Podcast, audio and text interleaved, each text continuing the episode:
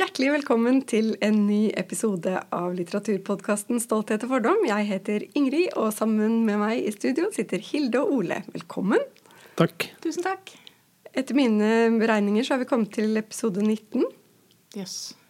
Det er bra. Ja, det er bra. Ja, ikke så verst. Det nærmer seg jul, og vi har lest en felles bok. Vi skal snakke litt om den først, og så skal vi ta en runde rundt bordet til slutt. Som de av dere som følger oss på Instagram, har fått med seg at vi har lest Don DeLillos nyeste bok, 'The Silence'. En flunkende ny roman eh, som også er oversatt til norsk, men vi har lest den på engelsk eh, alle tre. Mm. Mm. Skal vi begynne med å fortelle litt om Don DeLillo, Hilde? Ja. Jeg tenkte litt på at uh, jeg har lest en del Don DeLillo, og så spurte jeg dere om dere hadde lest noe særlig. Og da Jeg har egentlig alltid visst om han. Jeg har ikke lest Jeg tror jeg regna meg fram til at jeg kanskje bare har lest The Body Artist. Mm. Men jeg har jo alltid hatt han sånn på lista mi. mm. Mm. Men så har det vært litt mange veldig tjukke bøker Mm. som jeg ikke har satt av tid til å lese. Mm. Jeg har eh, aldri lest. Jeg har jo hørt om, om han det her, men jeg har aldri lest noe med han. Han er på en måte Når man liksom skal ramse opp eh, en viss eh, Hva skal jeg si eh, generasjon, da, så er jo han alltid en av eh, sin generasjons store. er vel det man mener.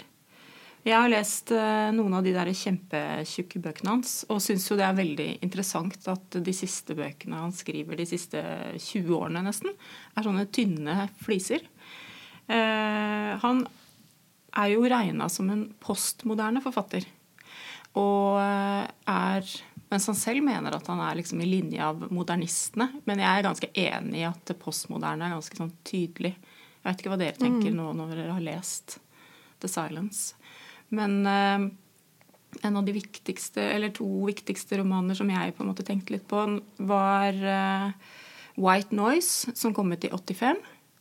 Eh, Som handler om Hitler eh, Professoren som er, eh, har dybdestudert Hitler.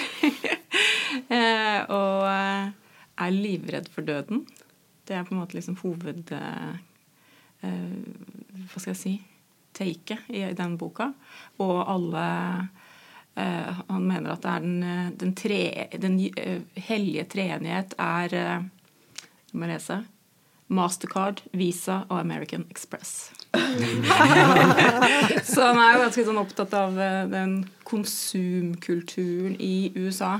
Nå er det vel Google og Facebook og Ja, ikke sant? Amazon. Amazon. Ja, det er akkurat det. Og så er det Underworld, da, som er den der kjempefeite boka på 800 sider som kom i eh, 1997. Som på en måte Hvis man skulle liksom oppsummere den i to setninger, så handler det vel på en måte om den kalde krigen og eh, atombombealderen, på en måte, når alle var livredd for atombomba. Og hva det på en måte gjør med USA. Han er jo alltid veldig opptatt av USA. Og på en måte enkeltmenneskene inni, inni det der det store, da. Og så bruker han ofte liksom store uh, felles uh, happeninger, sånn som en baseballkamp, f.eks. Ja, ja. Og det gjør han Det jo gjør han også. jo i denne boka her Mm. også. Men han har vel også blitt trukket fram fordi han er veldig flink til å ta pulsen på det som skjer, og kommer til å skje. Ja, han har alltid liksom klart å peke på ting før det skjer. Og kanskje har eh, skrevet noe som ligner på noe som skjer. Eh, hans Ja, han gjør jo virkelig det. Eh, The Silence kom jo ut Lurer jeg på om han skrev det siste delen, altså siste, helt siste, i den uka det stengte ned. Mm, ja, han gjorde det. Det er jo en fin måte å selge boka på å si det, men jeg tror Men ja. Ja, ja, og han skrev om f.eks. Um, Kosmopolis, som eh, var om eh, børskrakk. Altså når alt bare går ad undas. Eh, og den tror jeg også kom i hvert fall veldig tett på 2008, når, mm. når, den, når det skjedde. Så, og 'Falling Down' Men det er jo på en måte etter 2011 han skriver det. Men jeg tror han skriver det samme år, i hvert fall veldig tett på. Eh, ja, så han har på en måte vært veldig sånn en, en som kjenner kjenner litt hva som skjer, hva som rører seg, og klarer å skrive noe om det. Ole, hva er det som eh, skjer i boka? Ja, jeg kan ta eh, selve kulissen er jo leilighet i New York. Eh, Det er fem karakterer. I den leiligheten bor en pensjonert fysikkprofessor som heter Diane, og ektemannen hennes Max. De har besøk av en tidligere student av Diane som heter Martin. Eh, De skal se Superbowl-finalen og vente da på et eh, par som heter Jim og Tessa. Eh, Så når boka begynner, så er det jo bare Diane, Martin og Max vi møter. Og så er det da parallelt så møter vi Jim og Tessa på når de går inn for landing i New York. Um, De har vært på europatur og er på vei hjem. på vei hjem. Eh, De skal møtes, se Superbowl-finalen. Kommer aldri så langt fordi at eh, plutselig så forsvinner all strøm, elektrisitet. Altså alt kollapser og slutter å virke. Alt blir mørkt. Mm. Og der kommer jo parallellen til eh, nedstengningen som vi har vært eh, vitne til nå det siste året. Ja. Så du kommer jo tidlig inn i den type handlinger. Jeg vet ikke om jeg skal si noe mer om premisset. Ja, det er på en måte der vi Det er der vi er. Ja. Mm. Hva tenker du vi da? jo nei, altså, Hva tenker vi om den boka? akkurat det der med Det der er jo et Jeg tenker litt på det er jo et sånn artig tema man kan snakke om eh, rundt lunsjbordet eller sosialt lag. Sant? Hva gjør det hvis alt slutter å virke? Kollapser, Hvis alt ja. kollapser. Mm. Strømmen f.eks. går hvis du er uten mobiltelefon, og så alt blir mørkt. Mm. Et Det er jo behandla i litteraturen, flere bøker. Ja, men her er det jo veldig konkret, Ja. akkurat det som skjer. Det er jo Også under Superbowl-finalen, da, gitt. Det er jo liksom symbolet på Det virkelig litt- det amerikanske um, Ja, det er jo um, store felles Får jo cupfinalen i Norge til å ligne en eh, fis. Men Ja. det, er- det er faktisk litt artig når Max kommenterer Superbowl. Han kommenterer Ja. kampen til den svarte skjermen. Det syns jeg var litt morsomt. Men eh, jeg ble litt skuffa over boka. Altså, jeg tenkte at en mann av Don, eller en forfatter av Don DeLillo sitt kaliber skulle klare å si noe eh, intellektuelt eller eksistensielt eller noe viktig om akkurat det. Men eh, jeg syns, ikke det Jeg følte ikke at noe sto på spill. Skjønner du? Noe så alvorlig som skjer, og så er karakterene litt sånn flat og daff og Ja, men jeg lurer litt på om Jeg er veldig enig i det, men så tror jeg nettopp det derre at han ikke er en forfatter som er eh, sånn psykologisk Han er jo ikke en psykologisk type. type. Han er ikke noe interessert i det psykologiske, sånn som jo nesten all litteratur er bygd opp. da. Vi er på en måte Ja. så drilla på å lese at, at alle karakterer er liksom fullendte psykologiske karakterer som ofte handler ut ifra eh, sine dyptliggende følelser. da. Ja. Eh, og drives av det. Ofte handler det om ting de har opplevd før, som kommer til overflaten, og vi drives liksom fram av det. Så han på en måte bryter jo veldig med den forventningen. om- Men at du ikke lurer på hva faen er det som skjer. Jeg tror at Don DeLillo er mer en sånn en, en eh, forfatter som kanskje leker seg litt mer med f.eks. Eh, litt sånn automa det automatiske i språket, f.eks. Når vi sitter på det flyet. Ja, det og- syns jeg var helt uh, Ja, det er- fabelaktig. den er. Ja. Eh, Flyscenen og alle de helt idiotiske tingene de snakker om og tenker på. Ja, og som på en måte er en slags autom automatisk eh, dialog. Og så sitter Som- de der og kommenterer du vet, den lille skjermen som du har foran deg når du kjører fly, som sier hvor langt det er igjen til destinasjonen din, Mm. og hvor mange grader det er utenfor. Og alt det sitter og sier høyt. Det er han Mm. eh, mannen som sier det til kona, er det ikke det? Å, herregud, jeg hadde klikka hvis jeg skulle sitte ved siden av en sånn gubbe og høre på liksom Ja, jeg ser at det står det på skjermen, du trenger ikke å si det. Ah, Men jeg, Men det er- jeg det syns jeg var ikke morsomt. Men det er jo. Jeg tenker jo at det han viser, er at det er like meningsløst det de sitter og sier seg imellom, som at han sier disse eh, faktaopplysningene som er eh, på skjermen foran han, de er på en måte ikke det er ikke sånn at nå skal vi komme inn til kjernen av disse to menneskene. De sitter i dette Nei. flyet, og det er i ferd med å Det er Tidtrøyte, liksom. Ja, det er på en måte ikke sånn at nå har Don DeLillo liksom åpna opp Eller liksom Sånn som jeg tror veldig mange som skriver en roman, så tenker at ok, da må jeg gå inn da det gjelder. Når det virkelig skjer noe, eller når noe på en måte veltes om, og disse karakterene kan trå frem. ikke sant? Han gjør på en måte nesten det motsatte. At når det dramatiske skjer, så er det akkurat som de utflates. Det er akkurat som Ja. de ikke har noen eh, De har ingen dybde. De har ingen eh, eh, De er en sånn Det er nesten som å se et absurd teater. Ja. Jeg syns ikke de karakterene er tilførte noen ting som helst. For når de kommer til den Nei, det er festen, også, det så er, de absurde, jo bare, er det jo bare en liten stund, så går de og legger seg, og så er ja, og så de er ute. vertskapet eh, litt redd for at de skal ha seg på soverommet deres. Det syns jeg også var morsomt. Nei, men det er jo ikke Jeg syns han, han studenten, Martin, han, er, Ja. han har en del interessante sånn filosofiske betraktninger, f.eks. Det der med hva ser du når du ser deg sjøl i speilet, f.eks. Ser du det samme som andre ser når de ser deg Mm. på gata? Sånne, da, da var det liksom litt inne på et eller annet som Jeg synes Også- men jeg syns jo også det var litt sånn kvasifilosofisk også, da. At det nesten er en sånn uh, lek. Klisjé, En klisjé. Sånn, at, eh, Omtalene sier jo at boka egentlig handler om hva det vil si å være et menneske.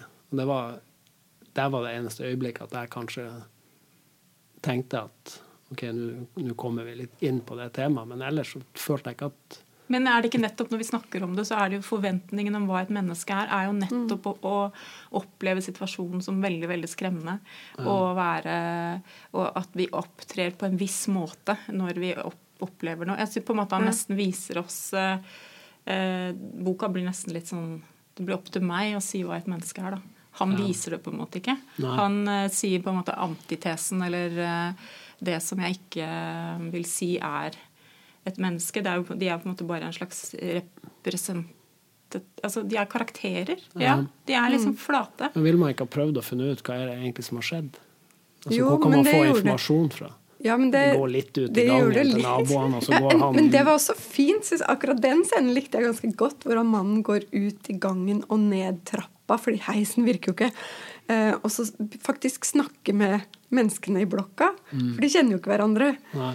Eh, og det med hvordan kontakten liksom eh, oppstår mellom naboer som har vært anonyme for hverandre inntil nå, da. Ja. Han har jo blitt nevnt Don DeLillo som at han er sånn hyperrealistisk fordi han er sånn oppramsende på ting. Sånn som i den White Noise, så altså, ramser han opp alt som er i supermarkedet. Det kan liksom, han går Ja. bare og ser på alt som er i supermarkedet, og så ja. er det bare alle produkter. Dum, dum, dum, Det er jo litt det samme som å lese temperaturen og sånn på Ja, ikke sant? ja. Det er litt den det er, det er jo en realisme som, som Ja. tipper over i å bli noe annet. Mm. Ikke sant? At det, at det blir fremmedgjørende, da. Ikke sant? At det ikke eh, da, da blir man jo bare sånn innmari Du forstår bare hvor enormt det supermarkedet er. Ja. Og hvor utrolig unødvendig at det er så enormt. da, Og at Mm. alle disse produktene Vi trenger jo ikke alle de produktene. Mm. Og alt, bare om, alt som omgir denne mannen. Og han opplever det som veldig sånn eh, beroligende, da. Og så Men det er jo et element i The Silence også. Eh, De snakker veldig mye om eh, reklameinnslagene under Superbowl-finalen, for det er jo en greie, visstnok. Mm. Eh, At nå er, det, nå er finalen bare én reklamesnutt unna. Mm. Eh, Og det handler jo om det amerikanske samfunnet Mm. i stor grad, tenker jeg. Den forbrukermentaliteten, eh, kanskje. ja, ja, ja. Ja, at det er en, en kritikk der av, av det samfunnet som de lever i. ja. Mm. Jeg syns også kanskje eh, Diane-karakteren er også litt sånn Jeg vet ikke, jeg føler ikke hun slipper til nok. Hun er jo tross alt Nei. en fysikkprofessor. Hun burde jo ha noe Ja. å si om eh, energi og elektrisitet. Og, Ja, Ja, at hun er professoren i rommet, det er det jo ingen eh, som eh, Altså han Martin er jo på en måte den som hele tida lirer av seg Einstein, Einstein-sitater og sånn. Hvis hun er litt sånn Jeg syns hun fremstår som mye mer banal enn jeg tror hun er. Liksom. Ja. Men det tenker jeg alle fremstår. Men det gjør jo alle. Har vi ikke Alle. akkurat At de er ganske sånn flate alle sammen, og ikke har så mye å by på? Jeg, jeg lurer på hvorfor han gjør det, da. Hvorfor Ja. velger han For jeg, det er ikke sånn at han har prøvd å gjøre de dype, og så har han Nei, ikke nei. fått det til. Nei, det er helt bevisst. Det, Eh, det var det jeg trodde at han skulle gi meg, men det var kanskje derfor jeg ble litt skuffa. Men Mm. jeg, jeg skjønner det du sier. Men, men jeg lurer jo på hvorfor han gjør det. Hva Mm. er effekten da, av å lage disse flate karakterene i et ekstremt høydramatisk situasjon? Ja, som ikke oppleves som dramatisk. Mm. Som på bare tones ned, som tar, dras helt ned. De holder på å dø når de, når de eh, lander med flyet, og det er jo helt tilfeldig at det går, at det går såpass bra som det gjør. Eh, og, og det er på en måte beyond sjokk. De er liksom Ja. bare helt For de var jo før Ja. dette skjedde, var de jo også flate. Ja, det, Ja. det, er veldig, det er veldig rart. Ja, Så hva er det han vil med det? Det er det jeg, det er det jeg ble litt sånn Og i selv den spaserturen til Max når han går ut for å sjekke, ikke sant? så den er jo heller ikke noe, ikke noe spenningsmoment. Det skjer jo ingenting. Han så går er det bare noen rundt i som er gaten, ute og så kommer han inn og jogger. henger fra seg jakken. Ja. Det er veldig rart. Sånn, faen. Er ikke det en dystopi, det her? Ja, nei, det er en veldig rar bok. Men vi, Den er veldig, veldig rar. Men jeg la også merke til det var en jogger, en dame, som de kjører forbi når de kommer fra flyplassen. Hun er bare ute og jogger. Ja, er, og hun dukker opp en gang til også. Ja, for liksom det er på en måte det som, eh, som på en måte er det halmstrået om at verden er normal, på en måte. Ja. At hun er ute og jogger. Eh, og så kan man kanskje tenke at hun gikk ut døra akkurat når dette skjedde, og har ikke fått med seg at alt bare har, ja. eh, alt bare har rakna. Eh, Kanskje det er litt sånn nå med korona òg, at eh, noen blir jo irritert på folk som ikke holder avstand eller følger reglene, eller ikke tar det på alvor nok. Ja. Det er jo veldig forskjellige måter å reagere på. Ja. Og dette her er jo helt i starten av eh, kollapsen. Mm. Så det er kanskje ikke så rart at de reagerer ulikt. Etter hvert Men- så syns han eh, Max at det faktisk er deilig å bare stirre på den svarte skjermen. Ja, det er så fint. Finne jeg ro i det. Men du, jeg hadde litt lyst til å se i, i begynnelsen der, så har du et Ja. sitat av Einstein. Ja. I do not know with what weapons World War III will be fought, but World War IV will be fought with sticks and stones. Albert Einstein. Og på en måte så er jo kanskje det mest spennende i hele boka er i det sitatet, syns jeg. ja, faktisk. Eh, for der ligger jo en hel fortelling. Mm. Eh, og han forteller på en måte eh, World War III. At det er der det begynner. Det er jo på en måte det han Mm, ja. sier. Mm. og der, det får liksom hårene litt til å reise på armene mine, for jeg syns at det er så utrolig Det er så kokt ned, eh, det sitatet til Einstein. Eh, Så eh, World War 3 er kanskje med drone. ja, det er jo på en Mm, måte den, ja. eh, det å ta Og det blir jo diskutert også. ikke sant? Det er jo noen som foreslår at det er Kina som har angrepet, og, og at det filmes og sendes bare og vis, Altså at Superbowl-finalen bare vises i Kina. Ja, ja. Og at amerikanerne er, eh, er fratatt liksom eh, sendingen, da. Mm. Det syns jeg også var ganske morsomt. Um, Det er liksom det, er- de så det, slår seg det er litt sånne eh, konspirasjonsteorier ute og går der om um, De slår seg egentlig litt til ro med at det er det som har skjedd. Ja. ja. Det, Helt det, det, er Kina. og så Først er det jo liksom bare hva Nå er det mørkt i vår leilighet. Hvordan er det hos naboen? Og så er det se ut vinduet. Hvordan er det i resten av byen? Og så skjønner du at det er større og større. Mm. Men så er det jo plutselig den derre Guri malla Hvordan er det i resten av verden, eller resten av landet, eller Hvor mange gjelder dette her for? Hvordan skal de finne ut det? eh, hvis alt bare kollapser, da. Ja. For det er jo interessant. Hvor får man informasjon fra hvis det er mobilen og internett og TV-en? Og... Mm. Tenk så hjelpeløse vi hadde vært da. Mm. Ja, for jeg lurer litt på Det han på en måte viser oss, er jo den eh, det, Vi er helt hjelpeløse, ikke sant? Hvis vi hadde opplevd dette. For det er nesten sånn at jeg måtte nesten gå den veien. Ok, hva hadde jeg Istedenfor at de karakterene gir jo ingenting. Så jeg kan ikke, den erfaringen de har, gir, det gir jo ingenting. Nei, nei. Ikke, det, er, det er jo ingen forestilling her. De forestiller Nei. seg jo ingenting. eh, de er helt numne. Altså de er på en måte helt uh, uten eh, det er akkurat så ingen Det er ingen Det, var, det, er ikke noe, det er ikke noe som var bak. Det er ingenting som ligger foran dem. Det er på en måte, Det De er liksom i et vakuum.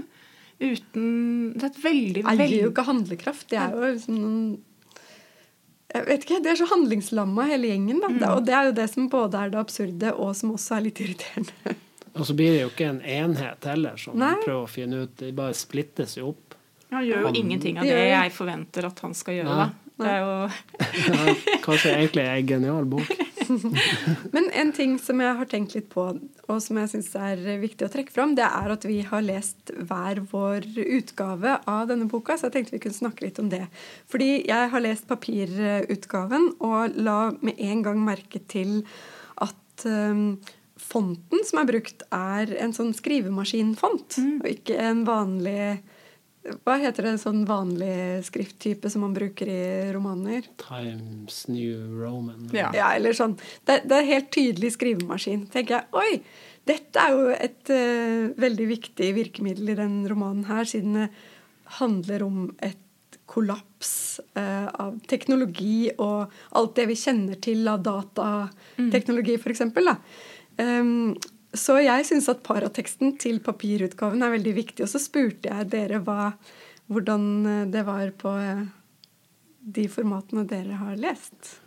Jeg har lest på Kindle, og jeg kan ikke huske at det var maskinskrevet. Jeg det? ville jo ha lagt merke til det, tror jeg. Ja, det. ja, for det er litt annerledes å lese.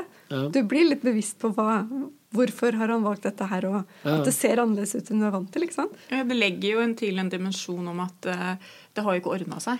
Den som har sittet og skrevet dette, eh, er fortsatt liksom underlagt at man må bruke gamle Redskaper. Ja, Redskaper.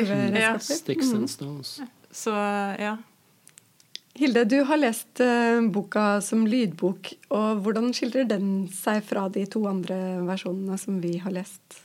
Ja, jeg syns det var veldig interessant, fordi eh, jeg har ikke vært borti en lydbok som er sånn Jeg har jo ikke hørt så mye lydbøker, men den er sånn at det er en fortellerstemme eh, som forteller eh, boka, og så er det alle dialoger er forskjellige, altså forskjellige skuespillere som, eh, som har disse stemmene. Sånn at det blir jo Ja. nesten som et hørespill uten masse lydeffekter, for det er det jo ikke. Nei?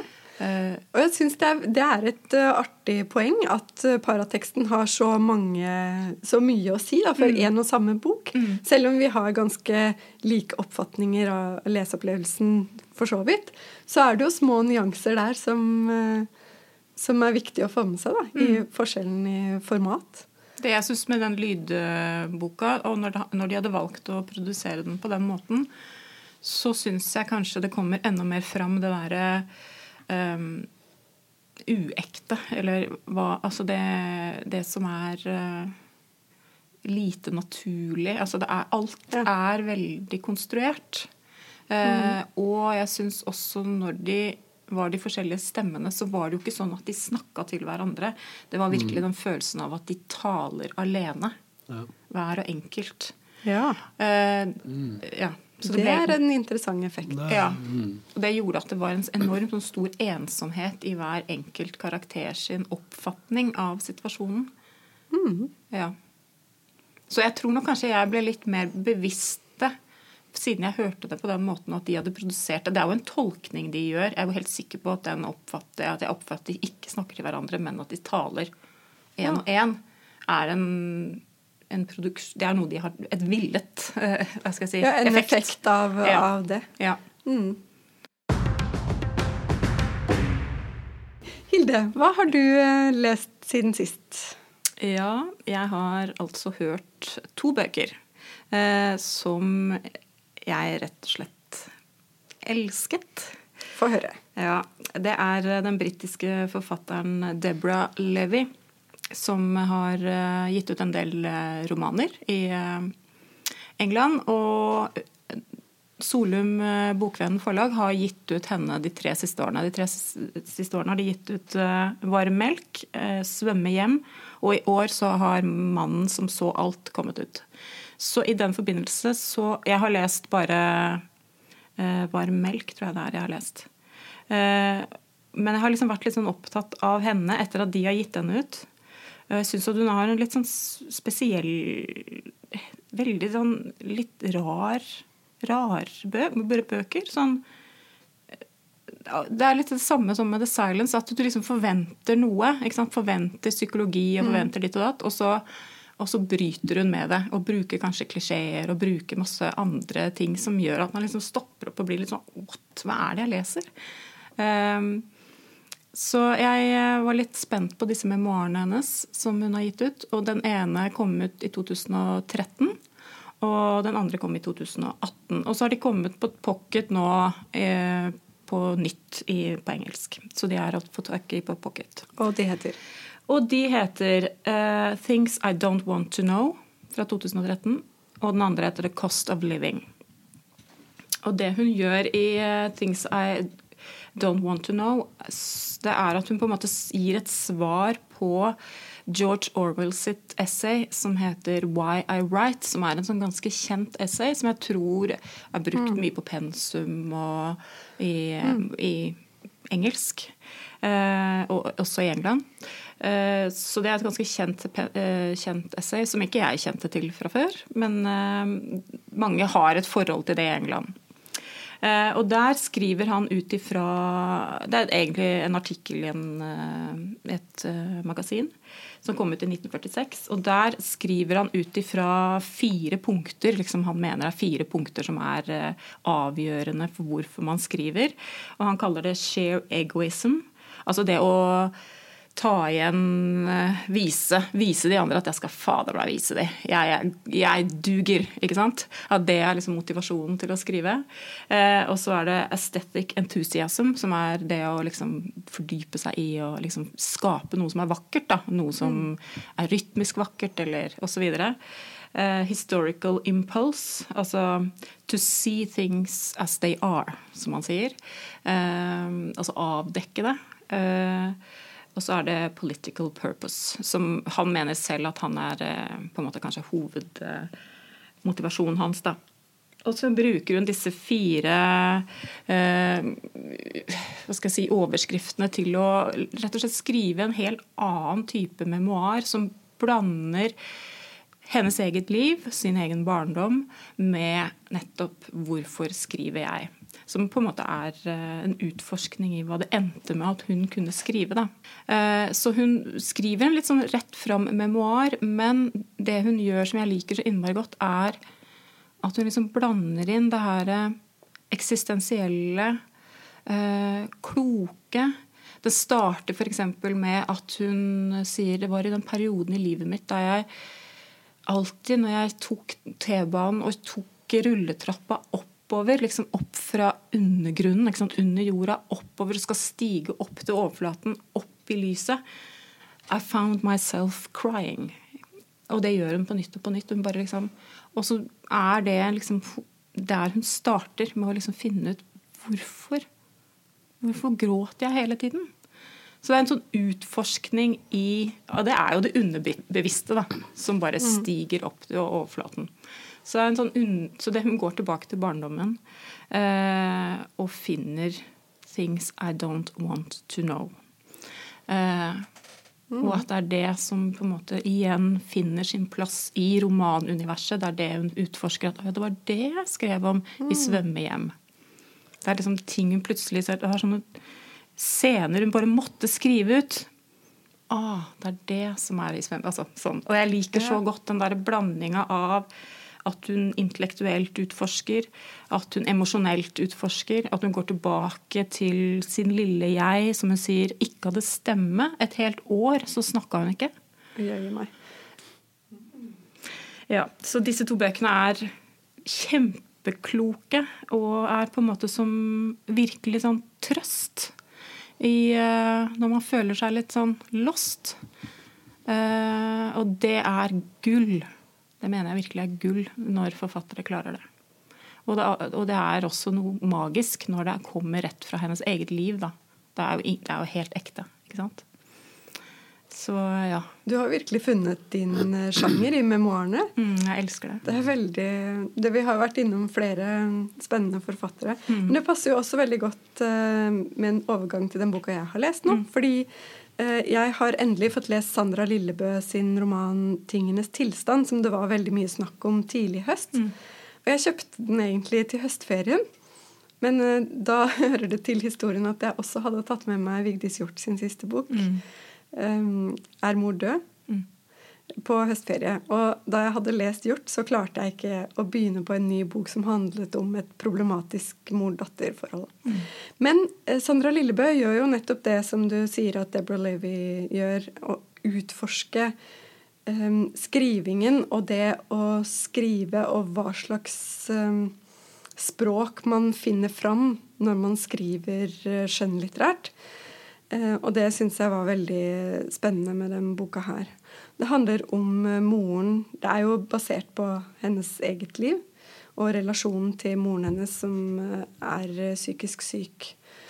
Og både moren og mormoren har eh, eh, lidd av schizofreni.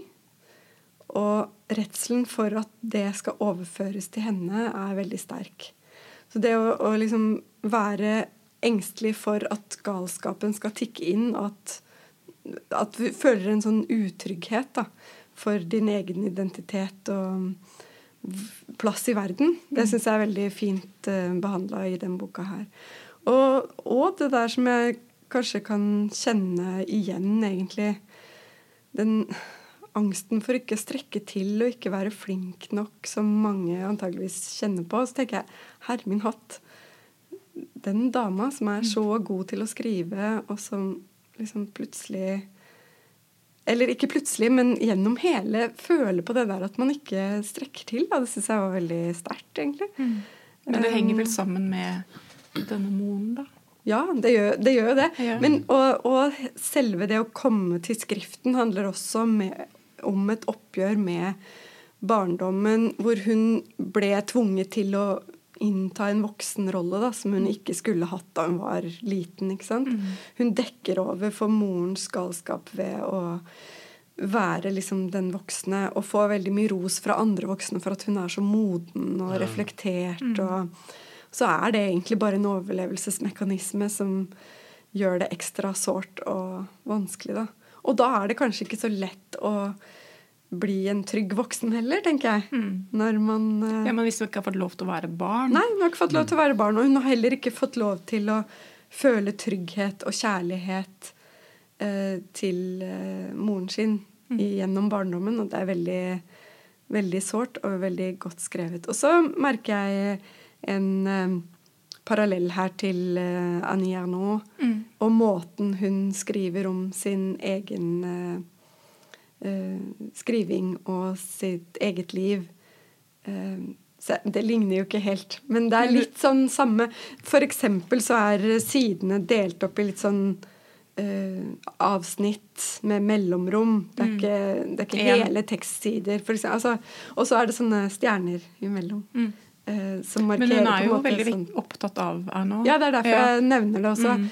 Um, hun har vel skrevet Har hun oversatt, eller bare skrevet forord til Hun har i hvert fall eh, skrevet forordet til Ja. den uh, En lidenskap. Ja, det syns jeg var veldig fint. Jeg husker at jeg la merke til det da jeg leste En lidenskap. Så jeg ser noen Jeg ser Ja. Jeg ser er nå også litt i uh, boka til uh, Lillebø. Mm. Den likte jeg veldig godt.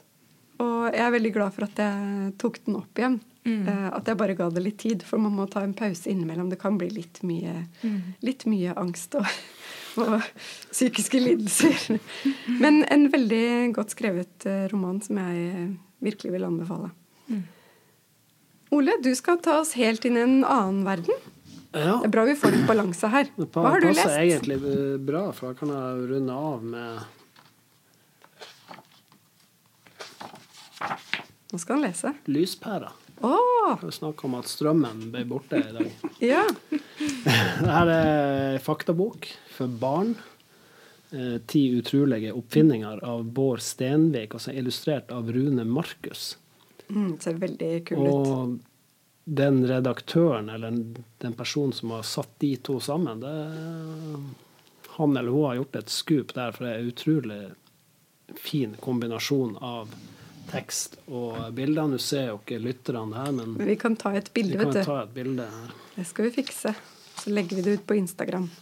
Kan ta eh, atombomber, eksempel. Så det er da ti uh, utrolige oppfinninger som er som hovedkapitlene. De skriver om uh, lyspærer, atombomber, p-pillen, autotune, som er en sånn der uh, vokaleffekt som du legger på for Share, ja, tenker jeg da. Skjer. Han, ja, han sier om det her. Og um, samtidig så er det litt sånn små, eh, små faktabokser innimellom òg, men så er det jo altså Bård Stenvik skriver utrolig informativt og, og bra. Og Rune Markus illustrerer fantastisk. Og så er det Samtidig så stiller han litt sånn spørsmål i teksten òg, som jeg syns er fint, uten at det er sånn moraliserende. Hva syns du man burde finne opp? Hva syns du man Ja. burde bruke penger på? for å Hvilken oppfinnelse savner du? Litt den, den stilen der. Og nevner også staten, eksempel, som en? Når man tenker ofte på innovasjon, så tenker man at det er private som finner opp ting, men staten er også en viktig bidragsyter og premissleverandør for å finne opp bl.a. internett, for eksempel, eller GPS-en man har på mobilen.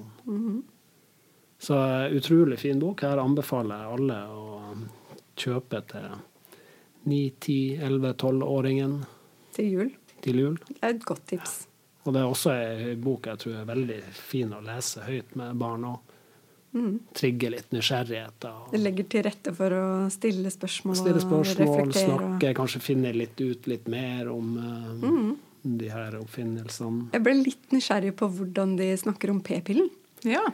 Fordi det er jo blitt skrevet en voksenbok også eh, i år som handler om pillen. Og, eh, ja, uten at jeg har lest den ennå, men jeg syns det er interessant.